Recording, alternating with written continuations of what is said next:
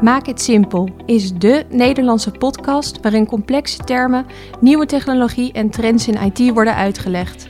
Deze podcasts zijn bedoeld voor IT-professionals die beter voorbereid en met meer vertrouwen een gesprek willen kunnen voeren over relevante actuele onderwerpen. Onze uitzendingen bevatten gesprekken, diepte-interviews, toekomstverkenningen en verhalen van ervaringsdeskundigen. We zijn onderdeel van Hewlett Packard Enterprise en je vindt onze wekelijkse podcast op iTunes, Spotify, Stitcher en alle andere bekende podcastplatformen.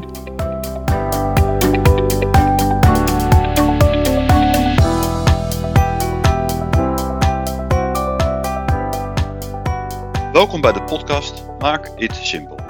Vandaag gaan we praten over container orchestration. Mijn naam is Arnold van der Kaai, account CT bij Hewlett Packard Enterprise. Clemens, kun jij jezelf voorstellen? Ja, mijn naam is Clemens Esser. Ik ben CTO Hewlett Packard Enterprise Nederland. Nou, vorige keer hebben we het uitgebreid gehad over eh, containerization hè, in de voorgaande podcast. En we hebben eigenlijk daar afgesloten door te zeggen, we gaan nu praten over container orchestration. Dat is de volgende stap. Dus daar gaan we deze podcast over hebben. Het configureren van die orchestration, dat doe je met zogenaamde YAML Uh, Clemens, kun je daar nog alvast wat over zeggen? YAML ain't a markup language. Nou, eh, als je nou weet wat het betekent, dan uh, vind ik een knappe jongen. Maar waar het eigenlijk op neerkomt, het, is, het, zijn configuratiefiles die vertellen waar je naartoe wil. Dus in, in, dit wereldje ga je niet scripten waarbij je zegt je moet dit doen, je moet dat doen, je moet dat doen. Maar wat in zo'n YAML-file staat is ik zou graag willen dat het zo wordt. Dus als jij een applicatie opzet, die bestaat uit een load balancer, uh, drie webservers, daarachter uh, twee applicatieservers en één database. Nou, dan vertel je dat je het er zo wil laten uitzien. En als het te druk wordt, dat je er dan een applicatieserver en vijf webservers bij moet zetten. Dat soort dingen definieer je in zo'n YAML-file. En dan ga je dat niet zelf maken, maar dat wordt voor jou geregeld. En dan vraag jij je natuurlijk af wie dat dan gaat regelen. Nou, precies. Ja. Die gaat het regelen. ja, nou, dat is eigenlijk die container orchestrator. Want die heb je die file gegeven en daarvan zeg je van kijk, zo wil ik graag dat het gaat worden. En die container orchestrator, wat vandaag de dag eigenlijk, uh, daar waren er een heleboel. Er was Mesos, was er, er was er een van Docker. Uh, er waren er uh, een Nomad, die kwam. Ja. ja. Ja, allerlei dingen. Maar die kan je eigenlijk allemaal vergeten, want het is allemaal Kubernetes geworden. Kubernetes dat is de gemaakt, voor orchestratie. Ja, Kubernetes gemaakt door, uh, door Google, die is daarmee gestart. En die is nu opgenomen in de open source uh, wereld. En wordt nu helemaal ondersteund door CNCF. Dat is Cloud Native Compute Foundation. En, en die zorgen ervoor dat al die open source software steeds meer standaarden wordt en dat ze op elkaar gaan lijken. En dat niet iedere leverancier er wat anders uh, van maakt. En, en dan zo'n zo'n Kubernetes omgeving, die gaat dus kijken welke containers ga ik waar opstarten? Want we zeiden vorige keer, het kan zijn dat je 2000 nodes hebt. Dus waar gaat hij die dan opstarten? Uh, hoe zorgt hij ervoor dat hij de HA voor jou regelt? Dus wat Kubernetes doet, die zegt ik maak pots. En een pot is een setje containers bij elkaar. Waarvan die zegt, oké, okay, binnen een pot, alles wat daar gebeurt, als daar iets misgaat, als de hardware kapot gaat of zo, dan stopt er een pot. Maar als je iets over twee pots verdeeld hebt, dan kan het niet zijn dat ze allebei tegelijk uitvallen als er één server uitvalt. Dus dat is eigenlijk wat ze ook availability zones in de cloud noemen. Ja, precies. En Kubernetes ja, lost dat op met, uh, met pods. Dus dat is je stukje HA. Maar Kubernetes zorgt er ook voor dat als jij een container hebt gestart en hij stopt, om wat voor reden dan ook, dat hij hem weer kan herstarten als het nodig is. Uh, dus Kubernetes die regelt een heleboel van dat soort uh, dingen, regelt hij voor jou. Wat jij ja. hebt gedefinieerd in je YAML-file interessant. Dus um, Kubernetes is de standaard. Um, zorg dat die containers verspreid worden over de aantal nodes die je hebt. En zorg dat ze herstart worden en als dingen misgaan, hè, dat die ook weet wat er misgaat en waar het naartoe moet. Ja, dan is misschien de volgende stap, hè, dat, dat stukje persistence waar we het steeds over hebben. Hè. Is, dat is ook iets wat die orchestrator regelt. Nou ja en nee. Want zoals we net al zeiden, containers die zijn er eigenlijk gemaakt om een kort leven te hebben. Daarna weg is weg. Uh, ja, ephemeral hoor ik daar wel eens, hè? Ephemeral, dat ze ephemeral zijn, vluchtig? Of? Ja, ja, ja. ja dat, is, dat is precies waarom ze gemaakt zijn. Want dan kan het allemaal heel snel. Maar wat je nou ziet, En dan moet je, je applicatie moet cloud native zijn. Want dan heb je hem zo gemaakt dat je alles kan uitvallen en dat je in de applicatie oplost dat je geen data kwijt bent enzovoorts. Maar het blijkt dat heel veel software is nog niet helemaal cloud native. Dus moet je ervoor zorgen dat je wat anders kan regelen. En daar noemen ze persistent storage. Dus wat ze zeggen, ik maak een stuk storage ergens waarbij ik vanuit mijn container, als die opstopt, opstart, is het eerste wat hij gaat zoeken is die storage. Daar wordt hij naar gewezen ook in jouw configuratiefile weer. En Kubernetes zegt dat ik op een bepaalde plaats vind ik een bepaalde set aan storage. En als ik iets opschrijf, ik schrijf daar een data weg, de container stopt en hij start opnieuw, ook al is het op een andere machine, dan zal hij diezelfde data weer terugvinden die daar zo zit. En dan hebben ze allemaal mooie namen hebben ze daarvoor en allemaal koppelingen. Maar dat is eigenlijk persistence. Dus de container komt op en ik weet waar ik mijn data kan vinden. En als ik stop, blijft die data die blijft staan start de container opnieuw, dan vind ik de data van de vorige sessie kan ik terugvinden. Dat is het mechanisme. En daar zie je dus ook zeg maar dat nou, Tripar Storage of Nimble Storage heeft dus een plugin voor containers. Ja. En dat is om deze dingen op te lossen. Ja, ja. En dat noemen ze soms noemen ze dat een CSI. Dat is een Container Storage Interface. Hm. Dat, zijn, eh, dat is een standaard. Uh, en er zijn ook daarvoor ja, wij zijn heel goed in de industrie om voor alle 26 oplossingen te verzinnen. De CSI is de eentje die steeds meer standaard begint te worden. En tot voor kort had eigenlijk elke leverancier had zijn eigen mechanisme. Ook dat kan je weer vergeten, want we gaan allemaal naar de CSI's toe. Okay. Want dan is het weer standaard. En dan werkt de CSI, die werkt met Docker. Heb je andere container, uh, laagste, laagste niveau dingen, zoals we vorige keer zeiden, een Serio, een container D en uh, dat soort eh, dingen, dat die begrijpen hoe dat werkt. Ja, ja en die, of je dan, die volume drivers heet dat volgens mij, die kunnen, kunnen ze dan gebruiken. Ja, en of je dat dan in OpenStack hebt, of je hebt dat in ons containerplatform, of je hebt dat met uh, VMware dadelijk. Da ze maken gebruik van hetzelfde mechanisme voor de storage. Ja? Dus dat gaat jou daar zo in helpen. Oké, maar, maar als je dus persistent storage geregeld hebt, heb je dan ook alles geregeld voor je om zeg maar, je wat meer oudere monolithische applicaties ook in containers te kunnen draaien? Nou, dat zou je hopen. Maar natuurlijk heeft een applicatie die heeft nog meer. Want als je naar die persistent storage kijkt, dan wijzen ze een bepaalde plaats toe. Maar ja, goed, jij hebt jouw roots uh, in, uh, in, Unix uh, zitten. Je hebt ooit nog een tijdje bij Sun gewerkt. En waar, waar slaan de doorsnee applicaties hun data op?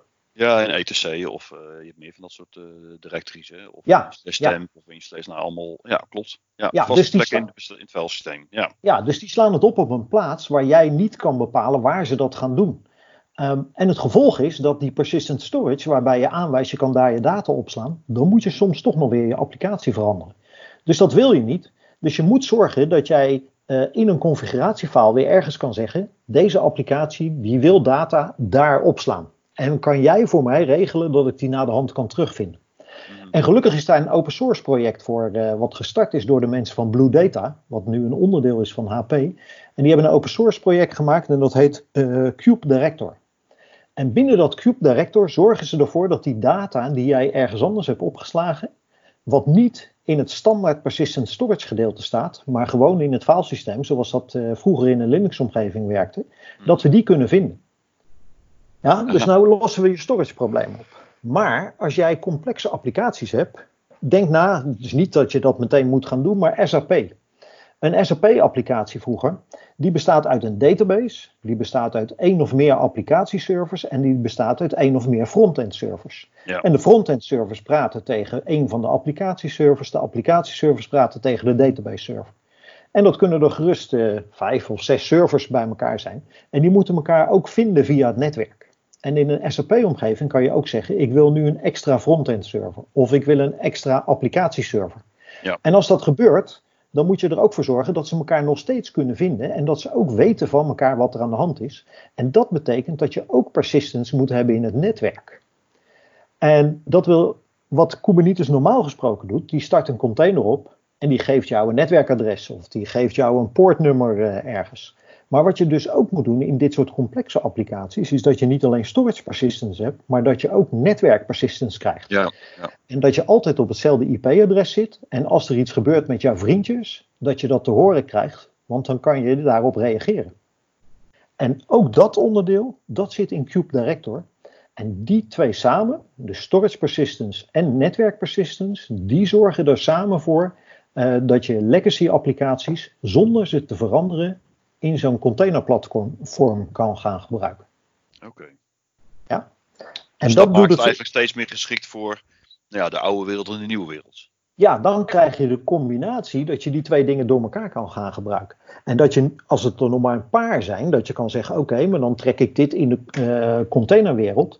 En als het nog veel is, dan hou je de virtuele wereld en de containerwereld naast elkaar. En hoe meer er naar de containerwereld gaat, hoe meer je oude applicaties kan overbrengen. Dus dat geeft je dan een uh, stukje flexibiliteit. Ja, Hey, nu is een ander probleem in die hele containerwereld. Hè, als je dat gaat orchestreren, dat je natuurlijk, als je zeker als je een groot bedrijf bent, heb je niet, vaak niet te maken met één containerplatform, hè, maar heb je meerdere orchestratiedomeinen. Hè. Dus heb je meerdere afdelingen die iets willen met, met, met Kubernetes, met containers. Hoe, hoe ga je daar dan mee om? Ja, wat, wat je nu ziet is dat uh, we hebben geleerd dat als jij vijf applicaties naast elkaar draait, dan kan je ze nooit alle vijf tegelijkertijd upgraden. En ze willen nooit alle vijf dezelfde omgeving hebben. En iedereen vindt dat hij wel iets speciaals moet, een andere versie en moet upgraden op het moment dat het hem uitkomt. Dus wat je nu eigenlijk steeds meer gaat zien, is dat je één set aan resources krijgt, dus compute, storage, mogelijk ook nog iets in de cloud, waar je een Kubernetes-omgeving op gaat krijgen. Maar wat je eigenlijk steeds meer gaat maken, is dat je daar een platform van maakt en dat je dan de hardware bestuurt vanuit het platform dat die zegt: ik kan een cluster maken voor jouw team, een cluster voor mijn team, een cluster voor nog een ander team. En dat je dan vanuit dat platform automatisch daarin de Kubernetes-versie kan uitrollen die jij graag wil hebben en ik een andere en die andere nog weer een andere. En als ik wil gaan upgraden, dan kan ik zeggen: Oké, ik wil van Kubernetes versie X naar Kubernetes versie X plus 1. dan kan ik die uitrol gaan doen.